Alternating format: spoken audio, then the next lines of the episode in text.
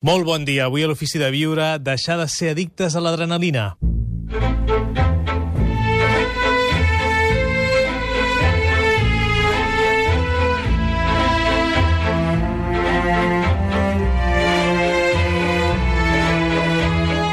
Gaspar Hernández, l'Ofici de Viure.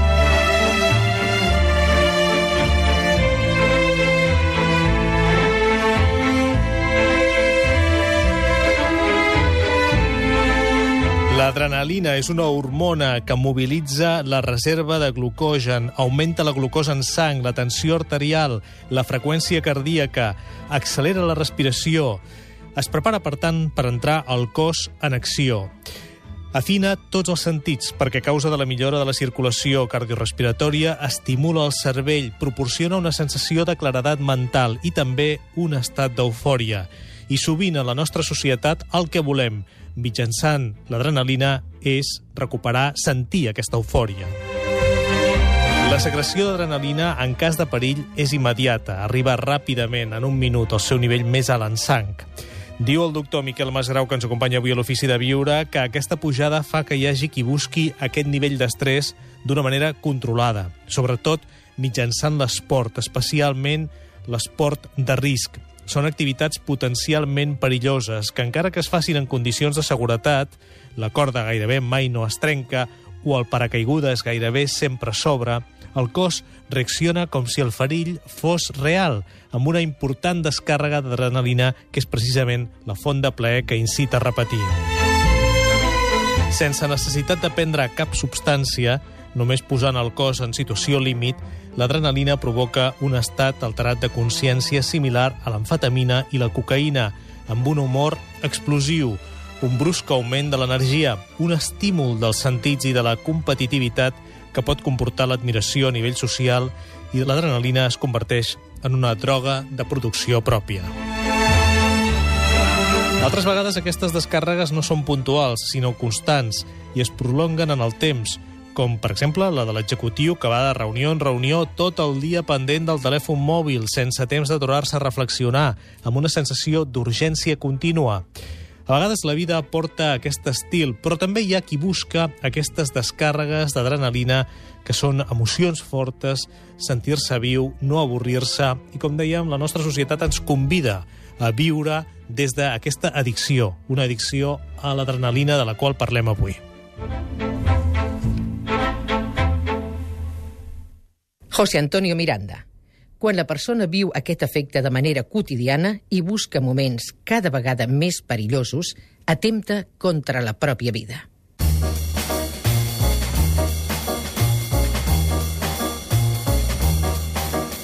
Mi nombre es Estanislao Bajrak, soy biólogo molecular, trabajo eh, en el mundo de las neurociencias, de la biología del cerebro. Dejar, hacer, dejar de ser adicto a la adrenalina, eh, mi reflexión es depende. ¿Por qué hay que dejar de serlo? Depende de cada uno y cuánta adrenalina eh, necesite cada uno para vivir. En general, eh, en la sociedad en que vivimos, vivimos con chorros de adrenalina, muchísima cantidad de adrenalina, porque es una sociedad que nos invita a fabricar adrenalina. ¿no? Los nuevos pantalones, los nuevos, las nuevas tenis, eh, la, camiseta que te queda bien, el olor rico de café cuando caminas por la calle. Hay un montón de estímulos en la sociedad que hacen que el cerebro se enciende y fabrique adrenalina. Creo que la clave está en reconocer cuánto de eso es re deseo real y cuánto es un comportamiento absolutamente reactivo o intuitivo. ¿no? ¿Cuántas veces nos ha pasado que que entramos a la tienda de café, olemos el café y a los cinco minutos dejamos de olerlo. ¿Cuántas veces hemos comprado esos zapatos y estamos tan contentos con esos chorros de adrenalina porque por fin los conseguimos y cuando llegamos a casa los zapatos no son tan bonitos? Eh, el, el poder entender y reconocer cuándo es que realmente quiero y deseo algo y cuándo es solamente mi cerebro que está hablando. Si fuese por el cerebro, nos comeríamos todos los chocolates, compraríamos todos los zapatos, usaríamos todas las cosas porque es un cerebro que es muy sensible a los estímulos externos. Pero cuanto más uno se conoce, más uno puede empezar a identificar, esto no es real, esto está originado por, por algo externo, ¿no? por una publicidad, por una tienda, esto no es real. Eso implica un gran trabajo de introspección, un gran trabajo de autoconocimiento. Eh, no está malo desear, lo que está malo es eh, creer que uno está deseando y en realidad no es un deseo real. Eso genera mucho la adrenalina.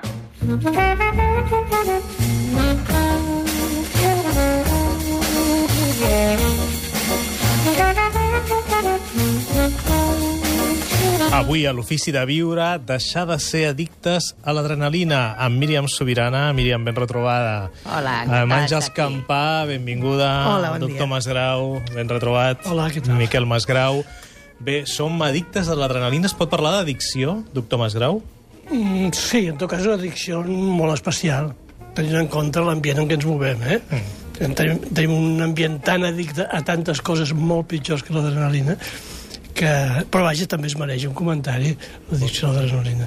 Efectivament, eh, sentíem en començar Míriam Sobirana que la nostra societat ens deia aquest biòleg, que vivimos con chorros, no?, d'estímuls en la nostra societat, molts estímuls que ens generen aquesta adrenalina i el que a vegades fa la sensació és que més que addictes als estímuls, som addictes efectivament a la, a la sensació, a l'emoció, a aquesta descàrrega d'emocions fortes que ens provoca, per exemple, comprar. La compra compulsiva, el menjar mm, compulsiu, eh, l'esport inclús de forma compulsiva, i la qüestió és quan jo perdo la capacitat de decidir i decideix el meu cervell, com deia el biòleg, o eh, decideixo per aquest impuls de l'addicció. I, I aquí és quan eh, sóc esclau dels meus mateixos impulsos. Eh, de manera que és una addicció especial, com, deia, com deies tu, perquè és una addicció eh, que te l'has muntat tu mateix, evidentment impulsat per la societat en la que vivim. Aleshores, què passa? Que necessitem constantment estar sobreestimulats. I ara que estem apropant-nos a període de vacances, doncs ens trobem que hi ha persones que els hi costa fer aquest pas entre un temps de feina a un temps d'oci, de tranquil·litat, eh, necessiten fer coses per seguir estimulant aquesta adrenalina, si no sembla que un s'avorreixi.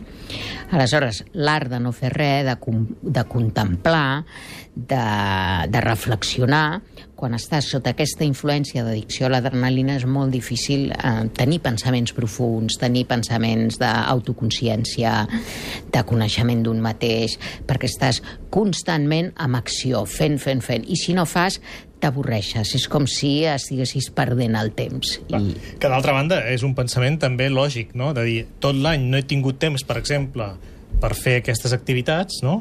I ara carrego l'agenda amb activitats que d'altra banda em generaran adrenalina no? i aquesta sensació també d'estar viu, de disfrutar de l'estiu. No? clar, aleshores jo crec que és, és molt bona la sensació d'estar viu, però que hi ha una energia que finalment ens acaba consumint per dintre i ens acaba emmalaltint. És a dir, que hi ha enfermetats del cor i altres enfermetats que eh, succeeixen d'aquest estrès es, eh, exagerat. Aleshores, jo crec que estimular el que em dona vida, el que em dona energia, el que em mou d'una manera saludable és molt positiu. Però quan ja creuem la ratlla de la salut i anem a a un perill per posar el cos eh, en un estat de sobreestímul, perquè si no no em sento viu, doncs eh, arribarà un moment que tindràs un catacrec. Un catacrec que el cos et diu para, això ja no ho aguanto més, no? Quan sabem que al nostre cos hi ha un sobreestímul, com en diu la Míriam Sobirana, doctor Masgrau, quan ens estem passant? Com ho sabem? Bueno, el cos ja funciona amb dos sistemes, té, diguem, dos, dos mòduls de, de funcionament. Un que és el, el sistema que es diu simpàtic i l'altre que és parasimpàtic. Són complementaris, però no són ben bé complementaris, sinó que n'hi ha un que és anterior a l'altre. És a dir, el sistema aquest dit simpàtic, que és el de l'adrenalina, està muntat sobre el sistema parasimpàtic, que és l'original, que, és el de, que és el que regula les funcions vitals és el de la digestió, és el del, és el del, de la reflexió, el, del, el, de la, el de la meditació, si voleu, és, el- és el de la tranquil·litat. Diguem, no? Llavors, sobre aquest modus s'ha anat generant el, el mode de l'adrenalina, que és fonamentalment, no, no, jo no veig tan lligat al consumisme o al desfici aquest, als desitjos que deia el biòleg, sinó lligat a la por. És, és la reacció primària de la por de la por real o de la por imaginària. Normalment és imaginària, no? I això és el que dona una, una acceleració i unes descargues que, que donen mala vida i emmalalteixen la persona que, que, que funciona a base d'adrenalina i a més a més s'encomana perquè dona mala vida al, al, al seu entorn, a la feina, a la família, no? I aleshores és, és, és una cosa que s'hauria intentar evitar amb la mesura possible, el que vaig que no sempre és possible, perquè tota la societat està muntada d'una manera de, que estem sotmesos a tants estímuls, a, a, tenim tanta inseguretat, tenim tanta por, diguem, com a, que, que estem, estem contínuament impulsats a, a segregar adrenalina i a funcionar amb adrenalina. També molt influïts per l'audiovisual. És a dir, aquí el doctor Masgrau no crec que miri gaires vídeos d'internet, no? però si, no sé si s'hi ha fixat, que internet la mirem sí, no? La mirem en deu mirar més. Vídeos d'aquests que tots veiem, que anem a través del Facebook, de les xarxes socials, sí. no? en què sembla que cada cop has de fer el triple salt mortal, o sigui, quedes curt amb el triple salt mortal, no? O sigui, sí. És allò més, més, més, no? I la publicitat també. Llavors, clar, és una emoció forta. Bueno, I llavors cada cop busquem emocions més fortes perquè, clar, el que fa 5 o 10 anys semblava una emoció forta, avui ja és fer el ridícul, no?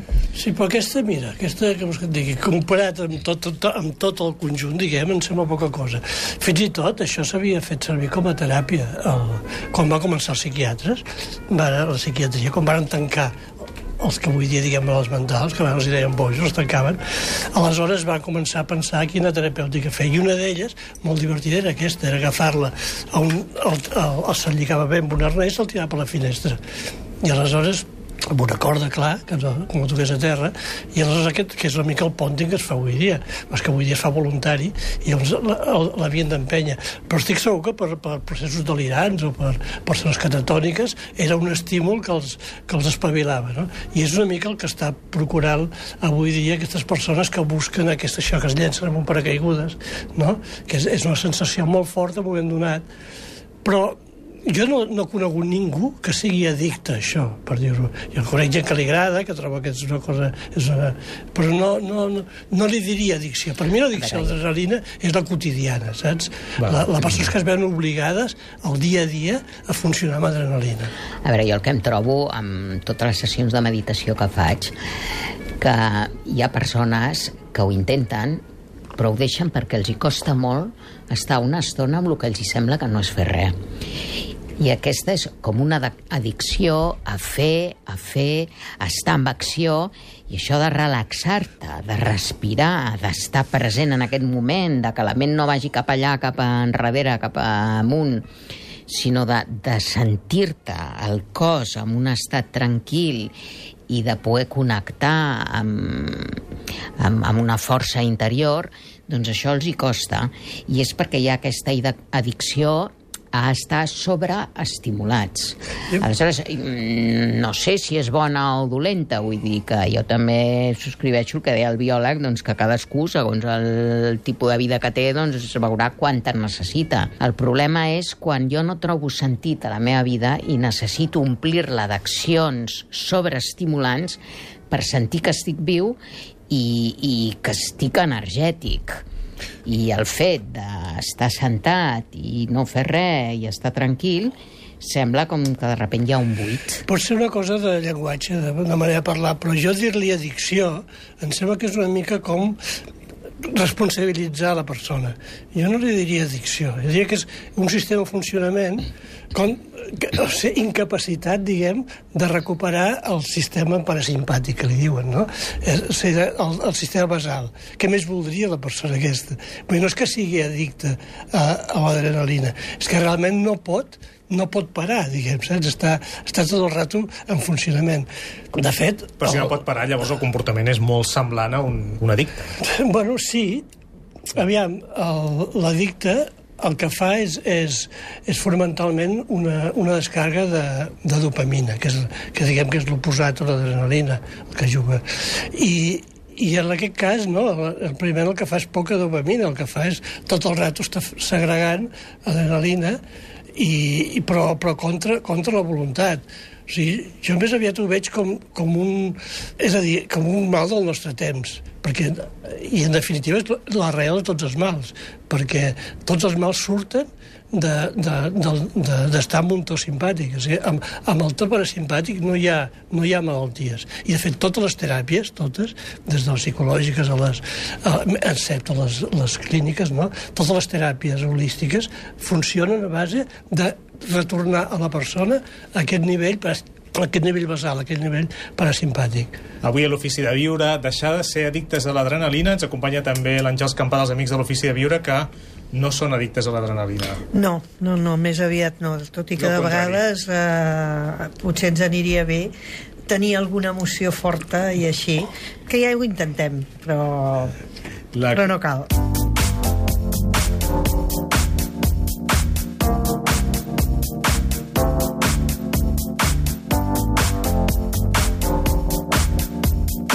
Patricia Caràmbola. Amb l'addicció a l'adrenalina, cada vegada es requereix dosis més elevades d'adrenalina per sentir els mateixos efectes que abans. Una oient ens escriu al mur del Facebook de l'Ofici de Viure si ets capaç de veure i sentir la bellesa de les coses simples, de la natura que ens envolta, llavors ja pots viure en un estat de plenitud constant que no et fa buscar quelcom que t'ompli fent coses per pujar l'adrenalina. Potser aquests comportaments, diu la Carmelina, són com una mena d'addicció per distreure's de la buidor que sentim. Sí, estic d'acord amb el que diu la Carmelina i connectant amb el que deia el biòleg de que a vegades tenim desitjos que no són reals, perquè són com del, del cervell, però que realment, des de la consciència desperta, eh, tu no ho desitges. Aleshores, quan eh, el que es diu Orient Mara o Maya, que és la falsetat, el que no és, eh, quan tu ets conscient d'una força vital interior que et mou i a nivell mm, mèdic, diguéssim, es dirà parasimpàtic o simpàtic. Jo diria un altre nivell doncs, més eh, de consciència o no... Sí. Potser parlaria del xi, no? També. Del xi, exacte. Aleshores, el xi, aquesta energia vital, aquesta energia vital eh, que està desperta quan estàs en un estat saludable intern, t'ajuda a valorar la vida que hi ha en tot el que ens envolta. En canvi, quan tu estàs sota l'efecte d'aquests desitjos que d'alguna manera ets com una marioneta dels teus desitjos, que et deixes portar una titella dels teus desitjos, et deixes portar per aquests desitjos, aleshores no ets tan conscient de la vida que t'envolta, sinó que només estàs pendent de lo que tu sents, de lo que et passa a tu, de lo que de tu tenir vida, i persegueixes això sense tenir tant en compte l'entorn. Aleshores, crec que quan un està com més connectat amb el xip, amb la vida, amb aquesta força saludable, ets molt més sociable en el sentit de, de l'amistat, de l'estima, de la compassió, de la solidaritat, de l'empatia, de la relació amb uns i altres. En canvi, si estem només pendents de la nostra adrenalina, doncs estem pendents només d'arribar eh, a un lloc, de comprar allò, de tenir aquella experiència i no tenim tant en compte els altres. Per tant, l'adrenalina ens impedeix ser empàtics? Sí, jo diria que sí. Sí, perquè està sota la influència aquesta de l'adrenalina.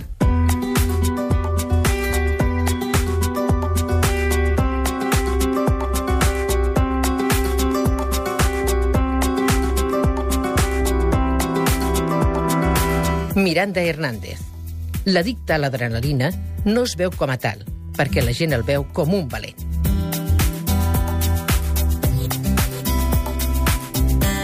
I és que, de fet, està ben vista l'addicció a l'adrenalina en alguns àmbits, com, per exemple, l'executiu agressiu. Segons quin executiu... Bueno, sí, i moltes feines, i el, i el, i el autònom. Els periodistes. No, és que avui dia ja es necessita molta, molta, molta... És molt exigent aquesta societat, no? I força eh, un tipus de comportament que no va gens en el sentit de, del benestar i la felicitat de les persones, no? I, però el que passa és que és tan normal, diguem, que ja es considera que això és normal i que estar tranquil és una, és una raresa, quan de fet la base de la, de la, del comportament humà hauria de ser la tranquil·litat, la- l'alegria, la, joia. I llavors l'adrenalina només de tant en tant, i ja està. Clar, per això està dissenyada. O sigui, el cos està, I a més es veu això amb els, amb els neurotransmissors aquests, perquè sembla que siguin coses diferents, i de fet és el mateix. O sigui, és la, la diferència que entre la dopamina, que és la, diguem, la, el neurotransmissor de la tranquil·litat i l'adrenalina, és una senzilla reacció química. De fet, és pràcticament el mateix. És que la, la dopamina aquesta, en un moment donat, d'exigència, de por, normalment, d'alerta, es dispara i, i es transforma en una adrenalina que va molt bé, que va molt bé per, per sortir del pas. Llavors, per tant, si em permeteu la broma, la Míriam Sobirana, que fa tanta meditació, deu ser addicta a la dopamina. No? jo crec que sí.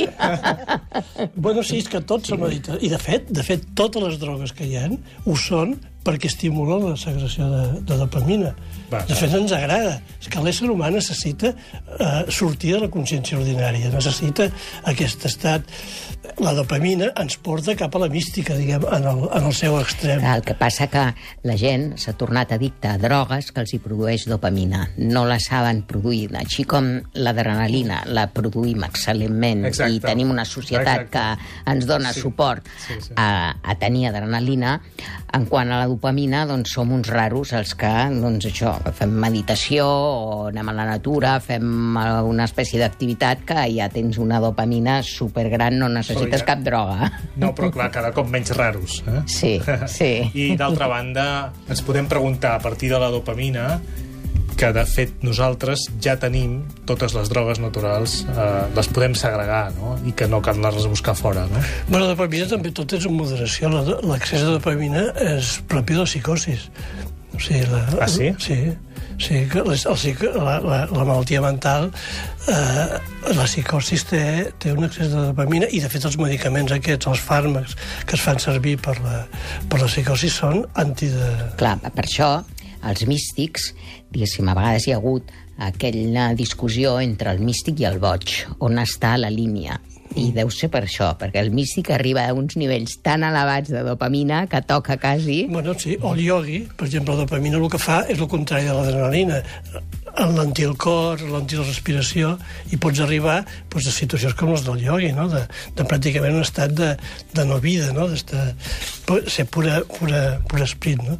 En aquest sentit, el, el que és molt interessant, de totes maneres, és aconseguir que, que totes les teràpies haurien de ser encaminades a crear aquest ambient, perquè el, aquest ambient dopinèrgic, aquesta, aquesta, perquè és en aquest estat en què l'organisme es cura. O sigui, mentre està amb, amb, sota la, un estímul adrenèrgic, sota l'adrenalina, és molt difícil curar-se. Doncs, de fet, es cura, sí, pel servei d'urgències allà, fins i tot la fan servir per, per atacs de cor o per asma o per, o per xocs, no? Però, però no, no, no cura, no, no, no, per fer, per, perquè el cos es, re, es recuperi uh -huh. necessites estar en estat parasimpàtic. Llavors, un cop aconsegueix aquest estat, pràcticament la medicina no fa falta. Ja ell sol es va, es va refent. Clar, perquè es, es potencia el sistema autocuratiu del cos. Exacte. Sí. Llavors, Míriam Sobirana, també hem parlat, per exemple, de les compres, hem parlat de l'addicció a la feina, que no deixa de ser una altra addicció també a l'adrenalina, però també està pendents dels missatges de telèfon mòbil, també d'internet, etc. Això és una forma d'estimular també l'adrenalina. D'estar totalment sobreestimulats i la qüestió és tenir un equilibri. I no vol dir que jo em desconnecti de tot, sinó que em mantinc connectat a la xarxa, al mòbil, eh, eh, tinc la, la suficient adrenalina per treballar, però que no es converteix en que allò és la meva font de vida, perquè precisament estem veient que la, un excés d'adrenalina ens porta a l'enfermetat i que necessitem dopamina per connectar amb la nostra capacitat autocurativa. Ens sentiríem molt millor, estaríem molt més sants, eh, molt més radiants a, a nivell corporal, a nivell de vitalitat. Jo em trobo persones que després de- d'un de, dia de feina estan absolutament esgotades, perquè és que això és el que fa l'adrenalina, et deixa esgotat, et deixa com sense forces, no? Com que et dona un, un xute d'energia i aleshores tens molta energia i molt potent i després, doncs, eh, ve la baixada. Per I- canvi, amb la dopamina disfrutes de la vida, tens la joia, tens la... O sigui, realment la, la, la gaudeixes de la vida, saps? No tens tant èxit social, segurament. Per l'èxit social és millor la- l'adrenalina, però, en canvi, per, per gaudir i per fer gaudir el teu entorn és molt millor el, el, la, la, la dopamina. Quan es funciona, diu el doctor Masgrau, a base d'adrenalina, augmenta la pressió arterial, propicia els atacs de cor, els trastorns del ritme cardíac, l'ansietat, el mal de cap, els tremolors, la hipocondria... Però no tan sols perjudica qui la pateix, sinó que l'estrès de l'adrenalina s'encomana especialment a famílies i subordinats, en una reacció en cadena de malestar amb què a la llarga disminueix la satisfacció i l'eficàcia a la feina i altera l'harmonia de l'entorn, amb repercussions que en casos extrems, diu vostè, no són gaire diferents de les de l'alcohòlic. Què vol dir? pues això, que, no, que, que dona mala vida, dona mala vida. O sigui, hem de tenir molt, molt present això, de que l'estat natural de l'home és un estat relaxat i eh, amb, amb, a nivell de tra- neurotransmissors és amb, do, amb dopamina, diguem, no? Llavors l'adrenalina és una cosa que s'ha de fer s'ha de fer servir només eh, de, puntualment. El que passa és que l'adrenalina, com que precisament és un, està dissenyada en situacions de perill, per fer-la servir en situacions de risc i de perill, aleshores no té límit. Dir, no és com altres hormones que, que es, es, es, es controlen i es compensen entre elles. Es pot anar mantenint molt temps, molt temps, i a la llarga, doncs, clar, pot arribar, pot arribar a fer molt mal.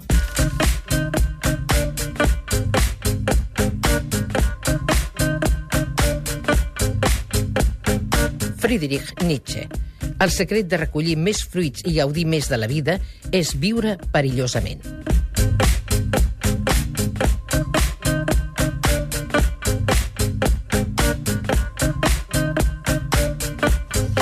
Diu el doctor Miquel Masgrau per deixar de ser addictes a l'adrenalina, que és el tema que ens ocupa avui a l'Ofici de Viure. Primer, reconèixer el problema, com en totes les addiccions. En aquest cas, no sol ser fàcil perquè aquest comportament, com ens deia el mateix doctor Masgrau, és socialment acceptat i s'aplaudeix l'èxit d'aquestes proeses físiques que veiem a les xarxes socials o també les conquestes professionals que són el pa de cada dia i que veiem a través de televisió, dels mitjans de comunicació. Quan s'està permanentment en un to simpàtic, com ens deia, no és fàcil relaxar-se i el que realment és important és deixar que s'expressi l'energia vital a la qual es referia la Míriam Sobirana. Al fons de la qüestió, pel que fa a l'alliberament de l'addicció a l'adrenalina, és tornar a posar el centre de comandament existencial de les nostres vides en el cor, en comptes de regir-se pel cervell, que és un punt importantíssim, Clar. perquè no vivim des del cor, Clar, vivim clar. des del cervell. Doncs quan diguem l'adrenalina, estem dient funcionar a partir del cervell. I el és que el cervell, com és una qüestió de poder, i com sabem molt bé, el poder, qui el té, no el cedeix fàcilment. I aleshores no, no és fàcil de... de, de és, per les bones és molt difícil. S'ha de proclamar la independència. El cor ha de fer ha de fer un cop d'estat, ha de dir, no, no. És a dir, per les bones és molt difícil que el cervell cedeixi perquè sempre té arguments, sempre té coses, sempre troba raons per seguir mm, comandant, saps? I no, doncs, al moment del cor ha de dir, bueno, a partir d'ara s'ha acabat. O sigui, vull gaudir de les meves coses. És bonica aquesta imatge. Sí. Jo sabia que el doctor Masgrau era independentista. Encara No, jo estic parlant de la, del Val, va. cervell, ara. Però, ara... Però vull dir que ara hem descobert una nova independència, també, no? Sí, sí, Bueno, és que sí. és, de fet la independència és un fenomen natural i en aquest sentit eh, jo crec que s'ha de prendre com, com, com... És a dir, jo no entenc les persones que no ho són independents. O sigui, que, que no accepten com, com un fenomen natural que les coses eh, eh, han de ser senzilles i han de... Saps? És el, Ara, ara m'he perdut, no sé de què està parlant. Està No. parlant de la independència... De, de, de l'organisme humà. Ah, val, val. No? D'acord. No, però vull dir que, sí, seguint amb aquest símil, el cor tampoc pot ser independent de la resta del cos. No, però el cor és la base, diguem. És la base de l'existència. És el que realment connecta amb la vida. És, és el, que, el que fa disfrutar. Va. De fet, el que, el, la clau de tot és l'enamorament. Estar enamorat, quan, quan tens enamoraments, és, és molt fàcil tenir aquesta, aquesta relació amb la vida. Però sí que aquest, enamorament s'ha d'extendre a tota la, a tota Tots l'existència. No? Sí.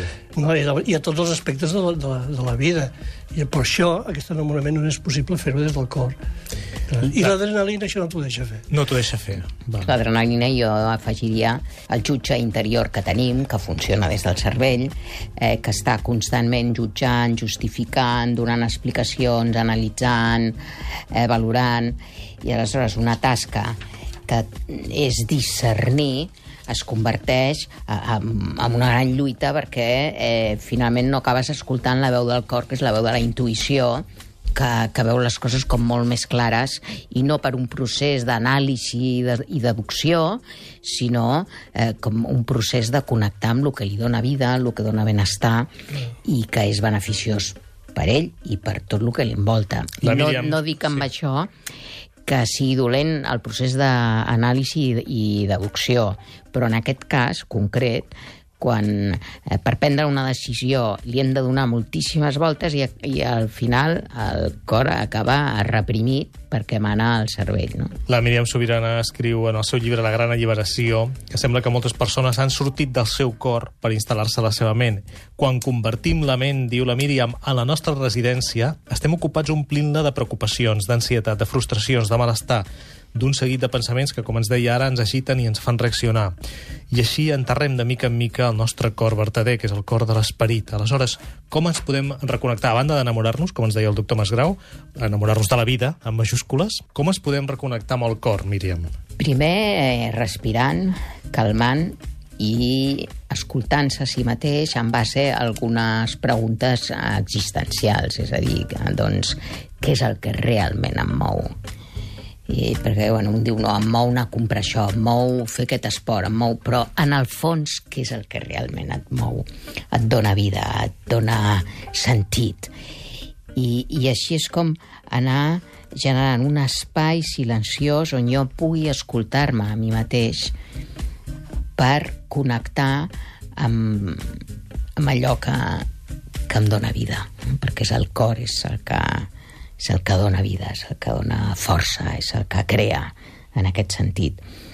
Una altra manera de connectar amb el cor és donar-se espais i temps per estar amb un mateix.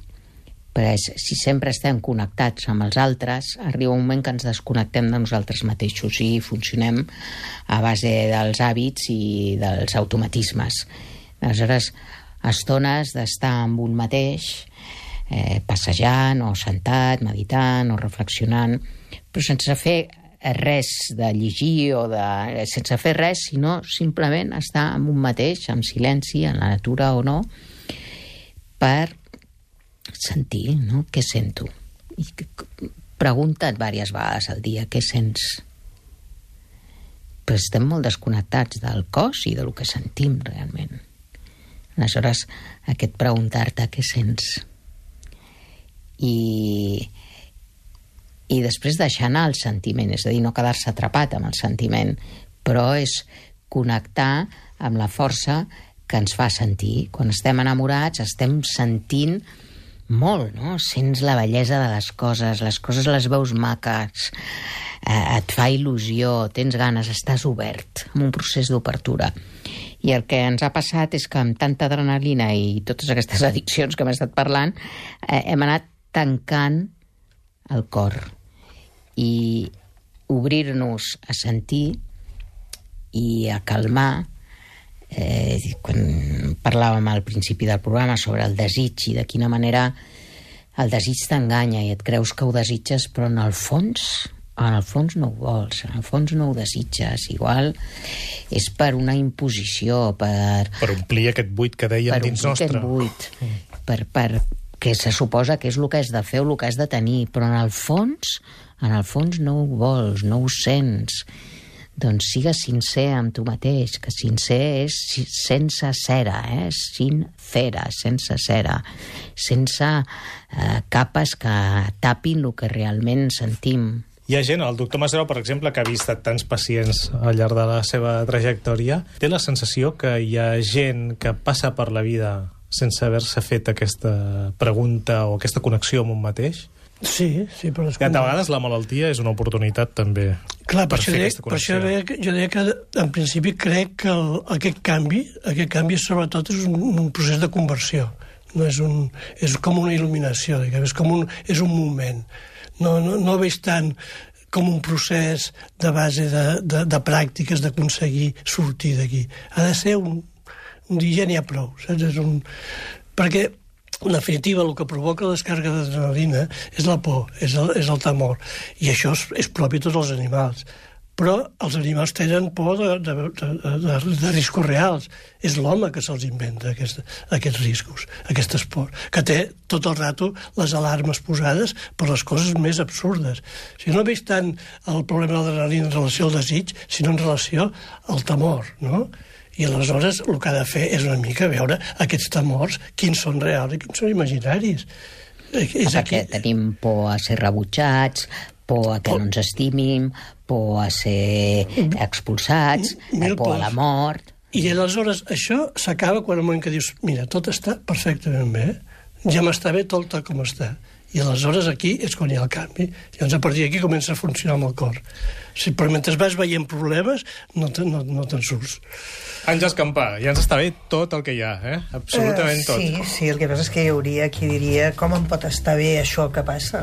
O com em pot estar bé el que estic sentint? Doncs pues no, pues estigues malament. Què vols no, que et digui? Sí, sí. No, no. Clar, aquí una resposta a vegades, quan hem preguntat al, en algun especialista sí. del programa, ens ha dit bé, estant malament jo, no puc contribuir a que aquesta situació millori. Mm -hmm. Per tant, si vols ajudar el món, primer estigues bé tu no? Sí, sí. No? Seria això, sí. no, Míriam? Sí, i que tu pots estar molt preocupat i tenir moltes pors del que passarà demà, però ara estigues bé, aquí i ara. I quan vingui demà, confia, que és com una mica la, eh, la força contrària a la por, és confiar, és Exacte. viure des de la confiança. Confiar en la vida. Què esteu preparant els amics de l'Ofici de Viure, Àngels Campà? Doncs eh, per demà mateix tenim eh, la trobada, una trobada a Vila de Cavalls, i treballarem eh, amb la Mati Segura per posar màgia a la nostra vida. Eh? Després, el dia la 7... Mati Segura, recordem que és psicòloga, que és terapeuta, que ve sovint a l'ofici de viure. Sí. No me l'imaginava fent màgia, no? Però bueno, és, una altra màgia. És un altre tipus és una màgia, màgia més existencial, sí, eh? Sí, molt bé, exacte. Molt bé. És una, un treball a partir de, de la màgia del conte i com creem la nostra pròpia història. Eh? Després, el dia 7 de juliol, estarem al, a la llibreria Bertran amb el Club de Lectura, que a la llibreria Bertran del carrer Buenos Aires 6 de Barcelona, i eh, l'Anna en Juanes eh, animarà el club de lectura sobre el llibre Los cuatro acuerdos del doctor Miguel Ruiz. Recordem als oients que vulguin escoltar el doctor Miguel Ruiz que poden trobar també un programa en què vam entrevistar-lo a l'Ofici de Viure fa unes quantes temporades a catradio.cat. Sí, i després ja puc explicar que el dia 29 d'agost farem la trobada habitual a Sant Martí d'Empúries per treballar ioga, tai chi, qigong, meditació i connexió amb el mar. Gran trobada, eh? Sí. Que sí, és, sí, és sí. molt bonic veure alguna vegada que he vingut veure eh, tota la gent passejant allà, amb també molts turistes, Sí. i vosaltres harmonitzant l'espai. Exacte, perquè estem a la, a la Pineda, que hi ha just al costat de, del poble, de Sant Martí, i llavors en allà tenim tres zones, i simultàniament doncs, hi ha un grup que està fent tai chi, un altre que està fent qigong, i un altre que està fent eh, ioga, amb el Ricard Rutllant, la Marta Domínguez i la Maite Fruitos.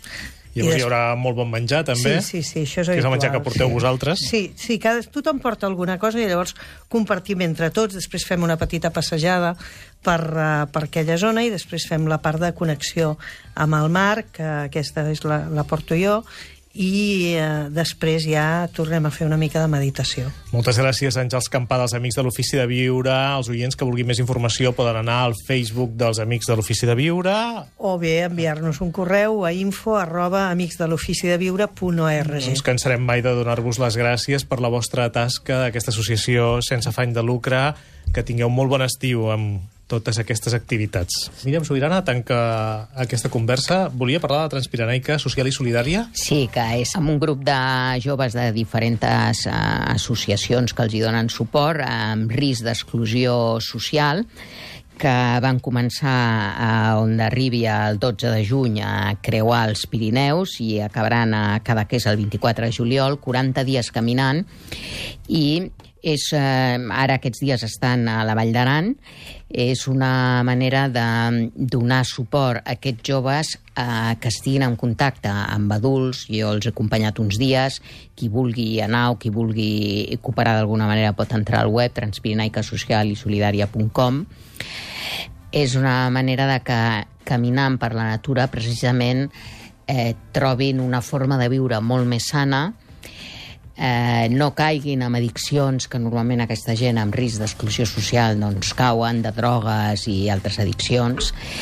I és una manera de mantenir converses interessants. I jo he vist, eh, l'any passat també vaig estar-hi, com en pocs dies de caminar un jove es transforma i mm, surt el més sa d'ell i dius que bé, no? quina tasca tan maca caminant eh, la persona es va transformant. Jo no sé si és que es genera dopamina. Totalment, amb no? la natura, sí. Sí, sí, sí. I aleshores eh, aquests joves doncs, eh, tornen mm, totalment transformats i molt millor de com han començat. Que bé, que bonic.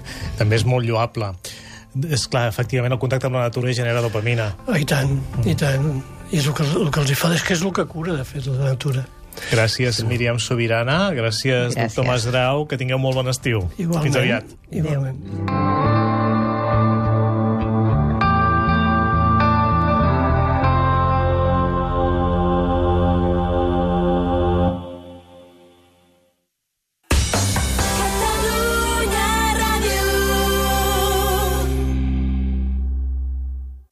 Aquest mes amb la revista Sapiens t'oferim un monogràfic especial de 100 pàgines sobre la Segona Guerra Mundial.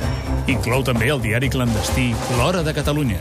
No te'l perdis. Sapiens ja és al quiosc. Emporta't el CD Porvo Clàssics amb l'Ara.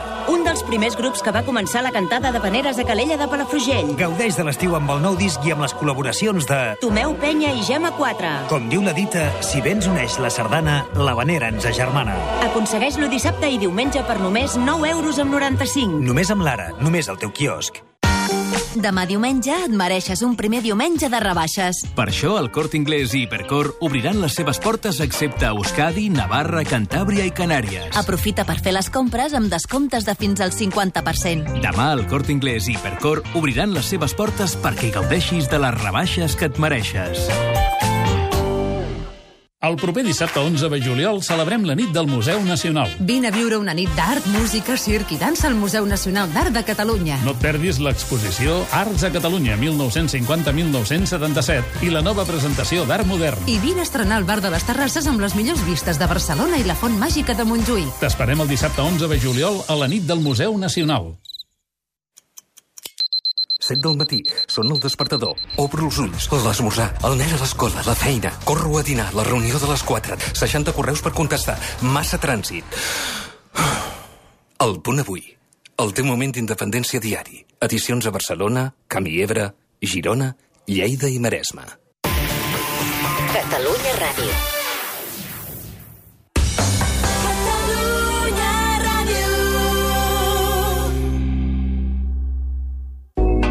L'ofici de viure. Un programa sobre conducta humana. Sergi Torres. Els viatges. En aquesta època en què molts de nosaltres pensem ja en els viatges, en Sergi Torres, que porta tot l'any viatjant moltíssim. Què tal, Sergi? Ben retrobat. Gràcies, Ospa. Que no pares. I com vius tu els viatges? Doncs mira, és, és, per mi és, és part de la, de la meva vida també. Intento integrar-ho. Una cosa que, que em vaig donar de compte és de que seccionem la vida, no? la família, la feina, els viatges, aquí i allà, i integrar-ho, for, for, que formi part de la vida. Aleshores, hi ha aquest fluxe que fa que viatjar no sigui un esforç o no s'hagi de planificar tant com jo planificava els viatges fa un temps. Per tant, quan eh, estic mirant el, la possibilitat d'anar a un viatge, miro quatre coses bàsiques d'organització, roba, la maleta, etc, que aniré a fer allà, però un cop ho he vist i ja ho tinc, ho deixo anar completament i m'obro a experimentar el que ja passa quan estic en allà. És a dir, no intento imaginar-me ni generar expectatives del que ja viuré. M'agrada molt la sorpresa. M'agrada molt descobrir. Jo sé que hi ha molta gent que entén que la sorpresa és com aleshores no, no organitzar res, no? Però no es tracta de no organitzar. Tu organitzes els mínims per anar al viatge, però també permets, dones, aquest, dones aquest espai a que el mateix viatge et sorprengui. No? Que no tot sigui com tu ho hagis programat, perquè aleshores és quan entrem a frustrar-nos tot i que molts oients, segurament algun ens escriurà algun correu electrònic, no? dient-nos que el millor moment del viatge, per ells, és quan el preparen, no? quan l'imaginen, quan l'organitzen, que pot ser mesos abans, com ens deies la setmana passada, a la feina. No? De fet, això és molt interessant, perquè anem allà on anem per com pensem que ens sentirem quan estiguem en allà. Per tant, és lògic el que estàs dient. És a dir, la imatge que jo tinc mental d'aquell viatge no, no, no necessito arribar allà per viure-ho, perquè ja ho estic vivint mentalment. Això també em, em porta a donar-me en compte de com realment tot el que visc una altra vegada és producte de la meva interpretació. No, allà on vaig jo a viatjar és allà on penso jo que estaré millor, etc etc etc. Fins a quin punt el, aquest poder que tenim de la nostra capacitat de projectar imatges. L'altre extrem és trobar-nos en ple d'agost en una platja meravellosa, tenint tots els luxes, que són llum, una aigua blava espectacular, i en canvi estem pensant ja en la feina del setembre, en la tornada. Sí, aquest és un hàbit que tenim normalment, no? el no voler estar on estem. Com que ja estem en aquella platja fantàstica i no, no complert l'expectativa tan fantàstica que pensàvem, ja estem intentant projectar com serà la tornada a la feina perquè no sigui tan dolenta com pensem o sigui millor del que podria imaginar un. I llavors ens preocupem. Exacte, llavors no estem a la platja, no estem a la feina, no estem en lloc. llavors necessitem un altre viatge després. En Sergi Torres, la setmana que ve continuarem parlant de vacances. Gràcies, Sergi, fins dissabte. Gràcies.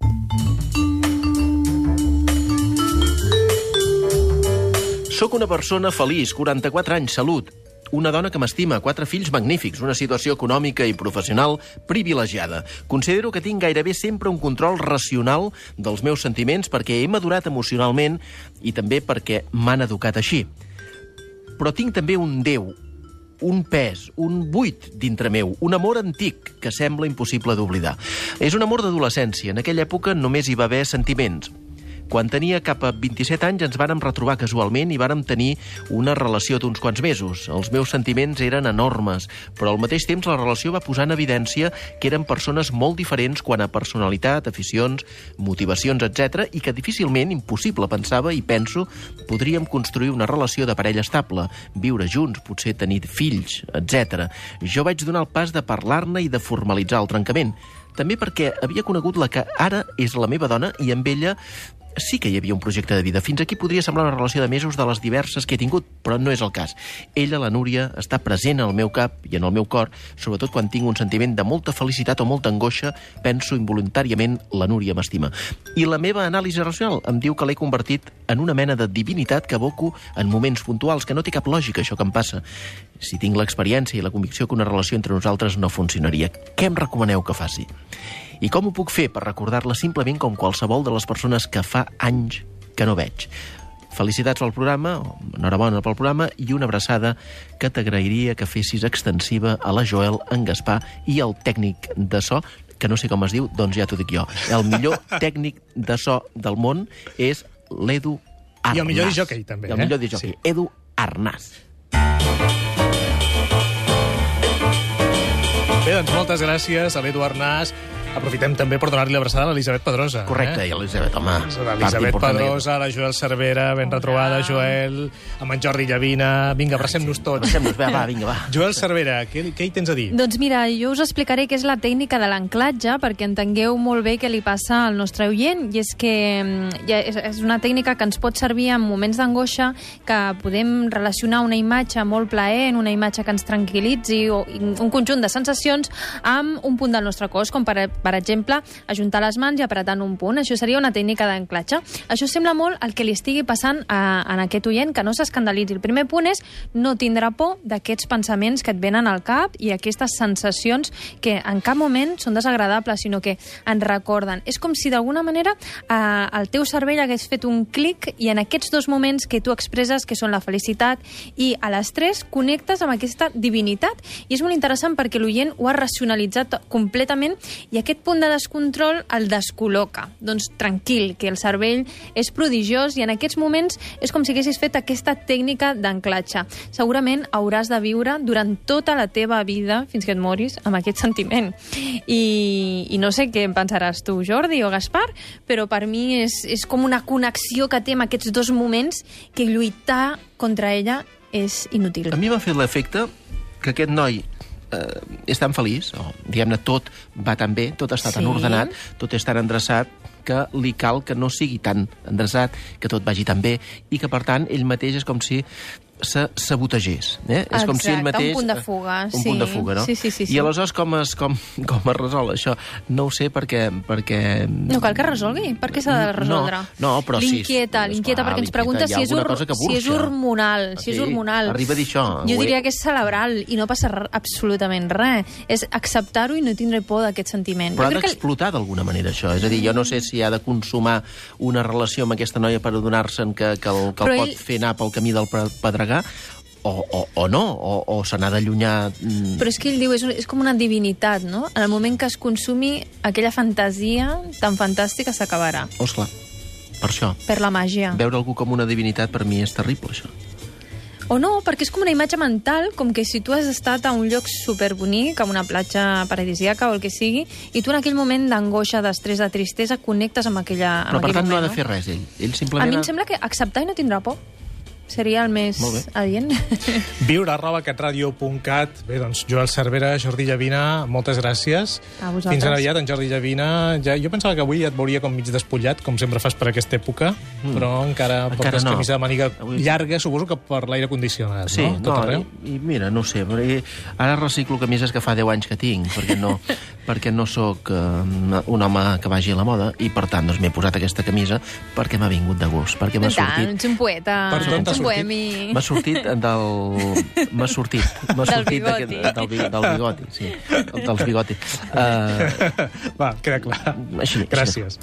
Gràcies als oients. Una abraçada. L'Ofici de Viure el fem l'Elisabet Pedrosa, el guió i a la coordinació, l'Eduard Nas, a la realització tècnica. Moltes de les musiquetes que senten els oients de les sintonies són escollides per l'Eduard Nas. El fem més de 50 col·laboradors, psicòlegs, filòsofs i sobretot el feu vosaltres, els oients. Tot i que cada vegada que fem l'Ofici de Viure no pensem en oients en abstracte, en milers d'oients, sinó que pensem en un oient, pensem en tu. Soc Àlex Rovira i aquests són els principis de l'ofici de viure. Humilitat, prosperitat, consciència i amor. Feu podcasting allà on aneu amb l'ofici de viure. Al web catradio.cat teniu tots els ofici de viure mesos a la vostra disposició per escoltar sempre que vulgueu. L'ofici de viure amb Gaspar Hernández. Un programa sobre conducta humana.